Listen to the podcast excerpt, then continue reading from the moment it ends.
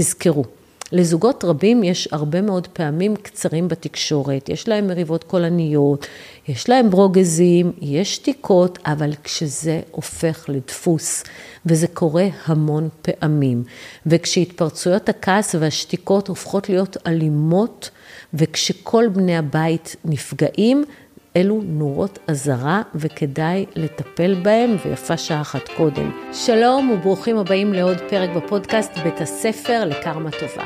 אני עורכת הדין רות דיין וולפנר, ואני אדבר איתכם על גירושים, על זוגיות, וכמובן על קרמה, שהיא בעצם תוצאה. ברוכים הבאים לעוד פרק בפודקאסט בית הספר לקרמה טובה, והיום נדבר על תופעה שנקראת טיפולי שתיקה ועל התנהלות פסיב אגרסיב. טיפולי שתיקה נפוצים מאוד במערכות יחסים רעילות, נפוצים מאוד במערכות יחסים עם נרקסיסטים, והם מהווים סוג של ענישה שהיא כאילו לא פוגענית, לא אלימה, בסך הכל לא מדברים איתכם, נכון? זהו שלא. למעשה, הרבה מאוד פעמים שתיקה מתפרשת כהתנהגות חכמה. וכולנו מכירים את האמרות המפליגות בשבחה של השתיקה, סייג לחוכמה שתיקה, או שתיקה שווה זהב, וגם יש את המים שקטים חודרים עמוק.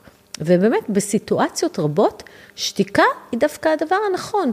כשאחד מבני הזוג מדבר באופן אלים או פוגעני, צריך להציב לו גבולות, להתרחק מהמקום ולא לדבר איתו. עד שהוא יתחיל לתקשר באופן נורמלי. התגובה הזאת זו תגובה שהמטרה שלה להחזיר באותו מטבע ולהגיב על אלימות באלימות.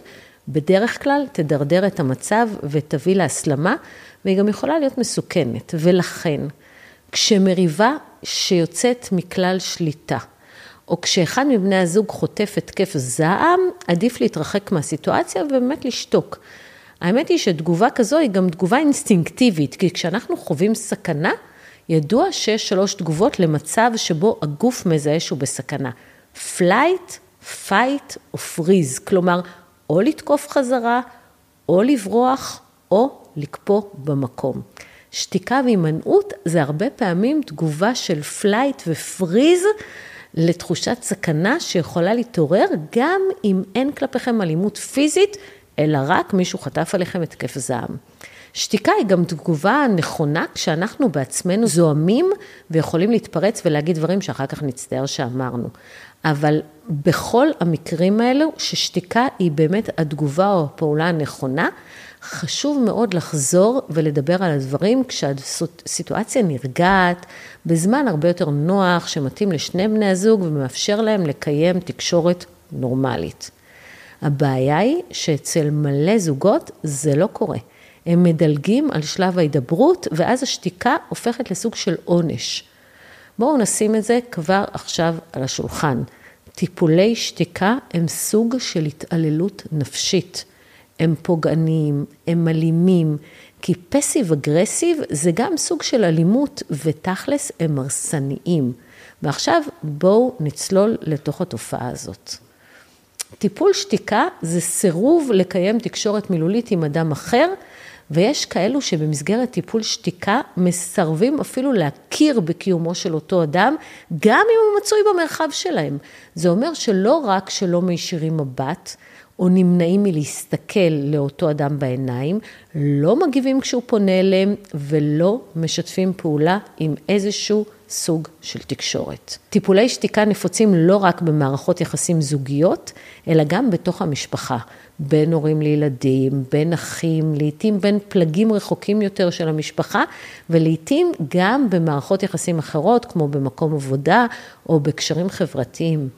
זה דפוס שמועבר, ואלו שראו טיפולי שתיקה בבית מתחלקים לשניים. או שהם ישחזרו את הדפוס ויעבירו אותו לדורות הבאים, או שהם יימנעו ממנו באופן מכוון ומודע בשביל לגדוע את הדפוס. אנשים עושים שימוש בטיפולי שתיקה בשלושה מצבים. המצב הראשון הוא לצורך הימנעות. אנשים לפעמים נמנעים מלדבר בשביל להימנע מקונפליקטים, בשביל להגן על עצמם כשהם סבורים שהמשך מעורבות תקשורתית תפגע בהם או תכפה עליהם תקשורת קונפליקטואלית, זאת אומרת, תכפה עליהם להיכנס לקונפליקט עם מישהו. המצב השני הוא כצורת תקשורת. אנשים לפעמים עושים שימוש בטיפול שתיקה, כי הם לא יודעים ולא מסוגלים לבטא את הרגשות שלהם, אבל הם מעוניינים להעביר את המסר שהם כועסים או מאוכזבים או שהם התבאסו ממשהו.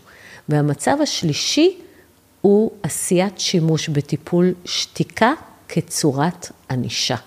כשטיפולי שתיקה נועדו בשביל לשלוט באדם אחר, להעניש אותו או להפעיל עליו מניפולציה רגשית, הם נחשבים כהתעללות רגשית.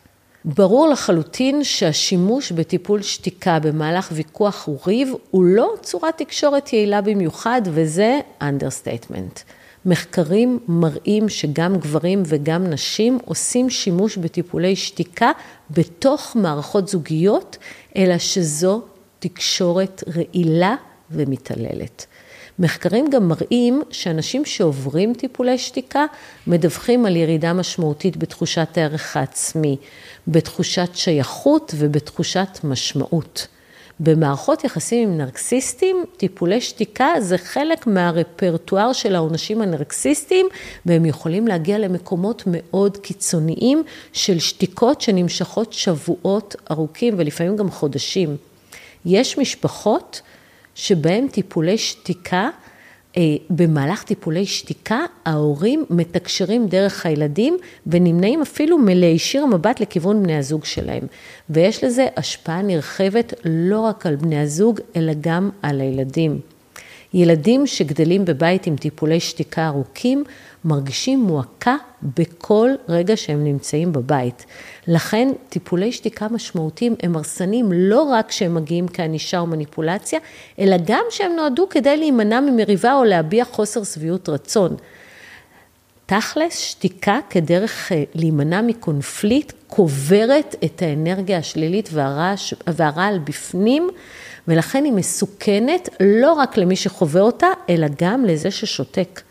לשחרר כעסים, לדבר איתה, אותם, לאוורר את הכאב החוצה, יכול להיות כואב בטווח הקצר יותר משתיקה, אבל הרבה פחות הרסני לטווח ארוך, כי ברור לכולנו שכשאנחנו מאחסנים את הכעס והרעל בתוך הגוף והנפש שלנו, אנחנו מזיקים לעצמנו גם ברמה הנפשית וגם ברמה הבריאותית. חוץ מזה, מחקרים מראים שהתגובה לטיפולי שתיקה אצל מי שחווה אותם, מפעילה את אותו אזור במוח שמפעיל, שמופעל בעת כאב פיזי. כך שמדובר בתחושה דומה מאוד למה שחש קורבן של אלימות פיזית. אתם קולטים? אותו אזור במוח. מכאן שטיפולי שתיקה הם סוג של אלימות, למרות שזה לא אלימות פיזית, אלא אחת מהצורות של התנהגות פסיב אגרסיב, כלומר פסיביות תוקפנית. לכאורה, זה מילים מנוגדות. איך אדם יכול להיות מצד אחד תוקפן ומצד אחד פסיבי, כלומר נמנע. ובאמת, זו התנהגות מאוד מטעה ומערערת. כי מצד אחד, התוקפן שותק, אז הוא באמת לא עשה שום פעולה תוקפנית אקטיבית, אבל מצד שני, השתיקה עצמה היא פעולה פוגענית, שכמו שאמרנו, מפעילה אצל הקורבן את אותו אזור במוח שמפעילה אלימות פיזית. טיפולי שתיקה מאלצים את הקורבן להתמודד עם השתיקה, מונעים ממנו את הזכות הבסיסית לדבר ולקבל איזושהי התייחסות אנושית, ומותירים אותו עם תחושת, תחושות מאוד קשות של דחייה ועם כעס שהולך וגובר מכך שאין לו עם מי לדבר ועם מי לפתור בעיות. ולעיתים, מתוך מצוקה שבאמת הולכת וגוברת, הקורבן של טיפולי השתיקה מתחנן לשיח, מוכן להודות בהכל, לבקש סליחה, להתנצל, או שהוא בעצמו חוטף התקף זעם שמקורו בתסכול עצום, או שכתוצאה מהטיפולי שתיקה הוא לוקה בחרדה ובדיכאון. ואז כשהם מגיעים לטיפול זוגי, יכולה להיווצר איזושהי תמונה מטעה של אישה משוגעת שתוקפת את הגבר וצורחת עליו, וגבר שבסך הכל שותק ולא מגיב. אבל האמת היא שהשתיקה יכולה להיות מאוד אלימה ומתסכלת, ולהביא להתקף זעם אלים, שגם הוא לגמרי לא תקין, אבל הוא בעיקר תגובה, אל, תגובה מאוד הגיונית אל התנהלות של פסיב אגרסיב.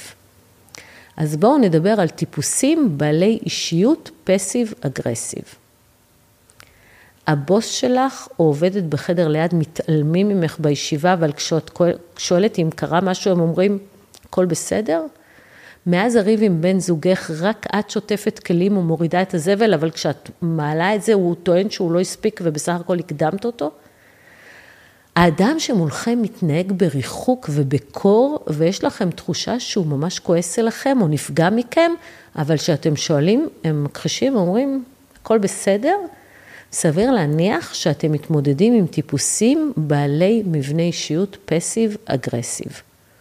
הימנעות תוקפנית, או בקיצור passive-aggressive, זו דרך ביטוי פסיבית של רגשות שליליים כמו כעס, עוינות, עלבון, תסכול, פגיעות. אדם שמתנהג באופן פסיבי אגרסיבי, הוא לא רוצה או לא מסוגל לבטא ישירות את הרגשות שלו, ואז הוא נוקט בדרך נמנעת, בין אם בשביל להימנע מעימותים, או בשביל להשיג את המטרות שלו, ולפעמים הוא בכלל לא מודע לזה. התנהגויות מסוג פסיב-אגרסיב מעוררות אי נוחות, תסכול וכעס, אבל לעיתים קרובות קשה לתת להם שם או להצביע עליהם, וזה רק מגביר את התסכול. בנוסף, כשמנסים לדבר על זה ישירות, האדם הפסיבי-אגרסיבי בדרך כלל או יכחיש או יאשים את הקורבן. למרות שהתנהגות פסיב-אגרסיב היא לכאורה התנהגות שקטה, מדובר בהתנהגות תוקפנית לא פחות מצעקות או זריקת חפצים. להתנהגות הזאת יש השלכות שליליות על מערכות יחסים ויוצרת בעיות של אמון וקרבה ופוגעת באופן כללי בהתנהלות היומיומית ובתקשורת זוגית נורמלית. התנהגות פסיבית אגרסיבית נפוצה ומתרחשת באינטראקציות חברתיות שונות, לכולנו תכלס, יש דפוסים פסיב אגרסיב לפעמים, אבל לחלק מבני אדם יש נטייה לתקשר ככה כמעט בכל אינטראקציה לא נעימה. בין אם כי הם למדו בילדות שלהם שאסור לכעוס וכעס הוא רגע שלילי שצריך להימנע ממנו, או שהם גילו שזו דרך יעילה מאוד להשיג מטרות או להתחמק מאחריות. לא תמיד אנשים מודעים שהם פסיב אגרסיב, וחשוב להבין שרוב אלו שנפגעים מההתנהגות הזאת, מאפשרים אותה או משתפים איתה פעולה בלי לשים לב. לכן ממש חשוב לזהות את ההתנהגות הזאת ולנקוט בדרכים יעילות להתמודד איתה. ובאמת, קשה להגדיר התנהג, התנהגות שהיא פסיב אגרסיב, אבל בואו נעשה ניסיון לזהות את זה. לעתים זה רק מחוות, קולות, אמירות ומעשים שבאים להביע חוסר שביעות רצון בלי להגיד את זה, זה כזה נשמע, mm, mm-hmm. הכל בסדר? Mm-hmm. ויש עוד. התנהגות פס, פסיבית אה, יכולה להיות גם התנגדות להשלמת מטלות שגרתיות, שיכולה לבוא לידי ביטוי בשכחתי, לא הספקתי, פספסתי, למשל הוא לא מוריד את הפח. את מבקשת ממנו לתקן את הספרייה, והוא אומר שהוא יעשה את זה, ועוברים ימים ושבועות וחודשים, ואת מזכירה לו עוד פעם ועוד פעם, והוא לא יגיד, אני לא רוצה לעשות את זה, הוא פשוט לא יעשה את זה. או למשל, אם מאחרים לאירועים שחשובים דווקא לך, אני אגיע ישר מהעבודה, אבל הוא מגיע בחצי שעה איחור, וכשזה קורה שוב ושוב ושוב, זה דפוס וזה לא במקרה. עוד אה, דפוס התנהלות של פסיב אגרסיב, זה ביצוע מטלות באופן לא יעיל או באופן מוצלח פחות מהמצופה מאותו אדם. אנחנו רואים את זה במקומות עבודה, כשעובדים עושים, אה, קוראים לזה שביתה איטלקית, עובדים בכוונה לאט, או עושים עבודה רשלנית בגלל שהם מתוסכלים ממשהו, ואם שואלים אותם, הם אומרים, אה, זה בטעות. אדם כזה יכול למשל להרגיש מנוצל על ידי המעסיק שלו, ולכן הוא יימנע מלבצע מטלה מסוימת, אבל הוא לא יסרב באופן מפורש וגלוי, אלא יעניש את המעסיק בזה שהוא יבטיח לבצע את המטלה, אבל הוא ידחה את הביצוע בלי סוף, הוא יקשה על המעסיק, הוא אפילו יפיק מכך איזו הנאה סמויה ולא לגמרי מודעת. אדם כזה בחיים לא יתעמת בצורה ישירה עם מצב בעייתי, אלא יפגין את התנגדותו בצורה של התמהמהות, שכחנות ודחיינות. ככה, מצד אחד הוא יביע את תוקפנותו בצורה מאוד עקיפה, ומצד שני הוא יעורר כלפיו את התוקפנות של הסביבה, שלעיתים קרובות אה, תבוטא גם היא בדר, בצורה עקיפה, משום שעדיין יש הבטחה שהוא עומד לבצע את המשימה, זה איפשהו ברקע. עוד סוג של התנהלות פסיב אגרסיב זה איחורים כרוניים. מכירים את כאלה שהם תמיד יאחרו, והם יודעים שזה מטריף, אבל הם, הם כאלה, הם, הם מאחרים. לא, הם passive aggressive.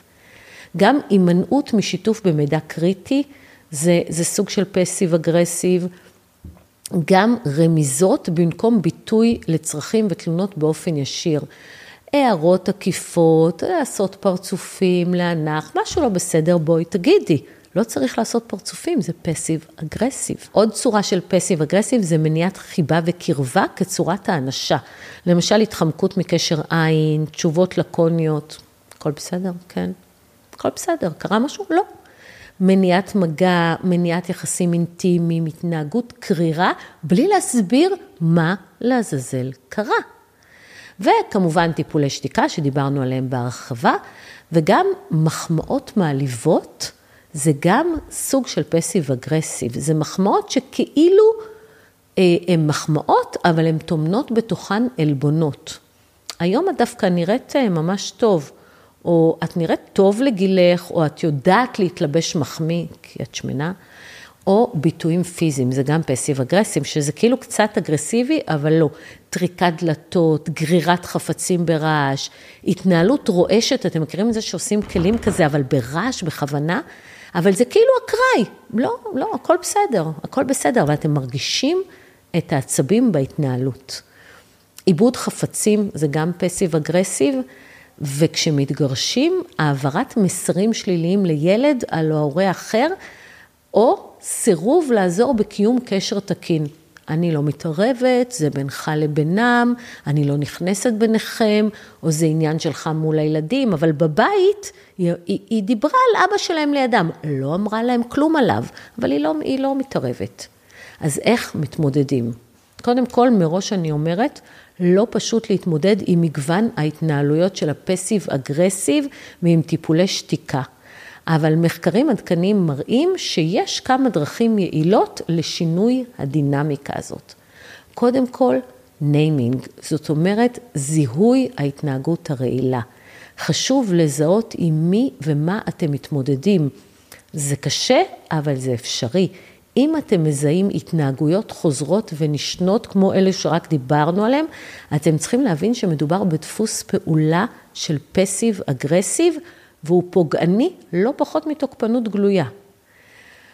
הדבר השני זה לא לשתף פעולה. כשאתם מגיבים בעוצמה רגשית בעצמכם, אתם בעצם מאפשרים ומעודדים את ההתנהלות הזאת ותורמים להחרפת הקונפליקט. זה לא תמיד קל, כי אחד הדברים הכי מתסכלים זה שלא מדברים איתך, או מתעלמים ממך, או כשאתם יודעים שמשהו לא בסדר, כי יש דפוסי התנהגות כזאת, אבל הצד השני מכחיש. כשטיפול שתיקה נמשך תקופה ארוכה, הקורבן תכלס מוכן לעשות הכל בשביל להפסיק אותו, בגלל שמדובר בהתעללות, וכשאתה קורבן להתעללות, אתה מוכן לעשות כמעט הכל בשביל להפסיק את זה. כאן בעצם ההתנהגות מוחרפת. כשטיפול שתיקה או התנהגות פסיב אגרסיב אחרת נעשית כעונש, ככל שתראו יותר תסכול או כאב, ככה ההתנהלות הזאת תחריף. ואני מזכירה שענישה באה לידי ביטול בטיפולי שתיקה או בטיפולי מניעה כמו מניעת מגע, מניעת קרבה וחום, קרירות, וזה עונשים שמאפיינים נרקסיסטים. ונרקסיסטים הם בדרך כלל חסרי חמלה ואמפתיה, ולכן כשאתם מביעים כאב, ההבעת כאב מסמנת להם שהמטרה הושגה ואפשר להמשיך בטיפול, ולא מסמנת להם, בואו תעצרו רגע ותביעו איזושהי חמלה או אמפתיה.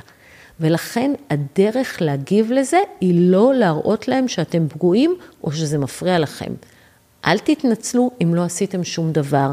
תפסיקו להאשים את עצמכם או לקחת אחריות על כך שזו הדרך שלהם לבטא את עצמם. דרך נוספת להתמודד היא באמצעות יצירת תקשורת טובה. אדם פסיבי-אגרסיבי בדרך כלל יסרב לדון בנושא באופן פתוח, הוא יכחיש, הוא יתנער מאחריות, הוא יאשים בחזרה, או שהוא יציג את עצמו כקורבן לדרישות גבוהות מדי, או שלא מעריכים אותו. התשובה מצדכם צריכה להיות אסרטיבית. תתייחסו לנושא באופן רגוע וברור, תסבירו שיש כאן בעיה, אבל עדיף לומר, יש לנו בעיה ולא הבעיה אצלך. תתארו את ההתנהגות שמפריעה לכם ותסבירו באופן ברור איך היא משפיעה עליכם ועל מערכת היחסים. תסבירו בדיוק מה הייתם רוצים שיקרה. זאת אומרת, תציעו התנהלות אלטרנטיבית לטיפולי שתיקה. חייבים לדבר ביום שלמחרת, או לא יכול להיות ששותקים יותר מיומיים, ותערכו את השיחה הזאת ממקום שמאמין שאפשר לתקן. אם הצד השני לא משתף פעולה, או מכחיש, או מתעלם, זה סימן שיש כאן נורת אזהרה באדום בוהק. עוד דבר זה תתרגלו ותלמדו להציב גבולות ולהציב את הצרכים שלכם במקום הראשון. אדם שהוא פסיב אגרסיב נוטה לגרום לאנשים אחרים לשים את הצרכים שלו קודם, מתוך מצוקה ורצון להפסיק כבר את ההתנהלות הזו. וכנגד ההתנהלות הזאת צריך ללמוד לשים גבולות, לתאר מה לא מתאים לכם ומה אתם פשוט לא מוכנים לקבל. צריך לזכור שאצל נרקסיסטים, חלק גדול מההתנהלות והעונשים, כולל טיפולי שתיקה, נועדו להחליש את הצד השני ולהשיג שליטה. והצבת גבולות היא בדיוק מה שצריך לעשות בשביל למנוע את זה. התמודדות עם פסיב אגרסיב דורשת תרגול ולוקחת זמן. וסביר שהדברים לא ייפתרו בפעם אחת. אל תפחדו לחזור אל הנושא. לדרך התגובה שלכם יש המון משמעות והשפעה.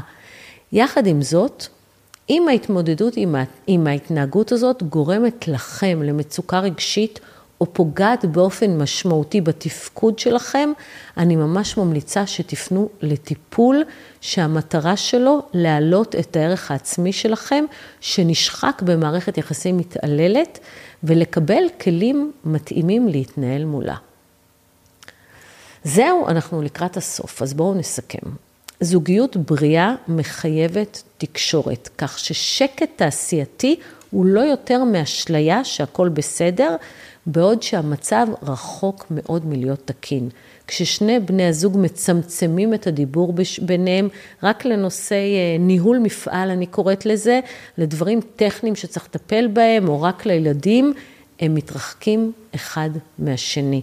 כשנשים משתתקות, מפסיקות לצעוק או לדרוש מבן הזוג שלהם לדבר איתם, כשזה נראה כאילו הם השלימו עם המצב, סביר להניח שהם פשוט התייאשו מזה שיש איזשהו סיכוי לעשות כאן שינוי ושנמאס להם לגמרי מהטיפולי שתיקה ומההתנהלות של הפסיב אגרסיב. מערכת היחסים הזאת בסוף תיגמר. תזכרו, לזוגות רבים יש הרבה מאוד פעמים קצרים בתקשורת, יש להם מריבות קולניות, יש להם ברוגזים, יש שתיקות, אבל כשזה הופך לדפוס, וזה קורה המון פעמים, וכשהתפרצויות הכעס והשתיקות הופכות להיות אלימות, וכשכל בני הבית נפגעים, אלו נורות אזהרה וכדאי לטפל בהם, ויפה שעה אחת קודם. אם לומדים להעיף את הדפוסים האלה כבר מההתחלה, יש סיכוי לבנות קשר זוגי נורמלי יותר. זהו להיום. אם הפקתם ערך מהפרק הזה, בבקשה תעבירו אותו הלאה לעוד מישהו שאתם חושבים שכדאי שיאזין לו, ואם אתם רוצים להפיץ יותר קרמה טובה, תשתפו את הפרק הזה ברשתות חברתיות. תודה ונתראה בפרק הבא של בית הספר לקרמה טובה.